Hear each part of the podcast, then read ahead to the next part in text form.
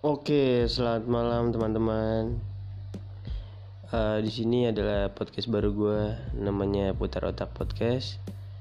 Dan ya perkenalan awal, nama gue Martinus Jalu Pandito, uh, biasa dipanggil Jalu.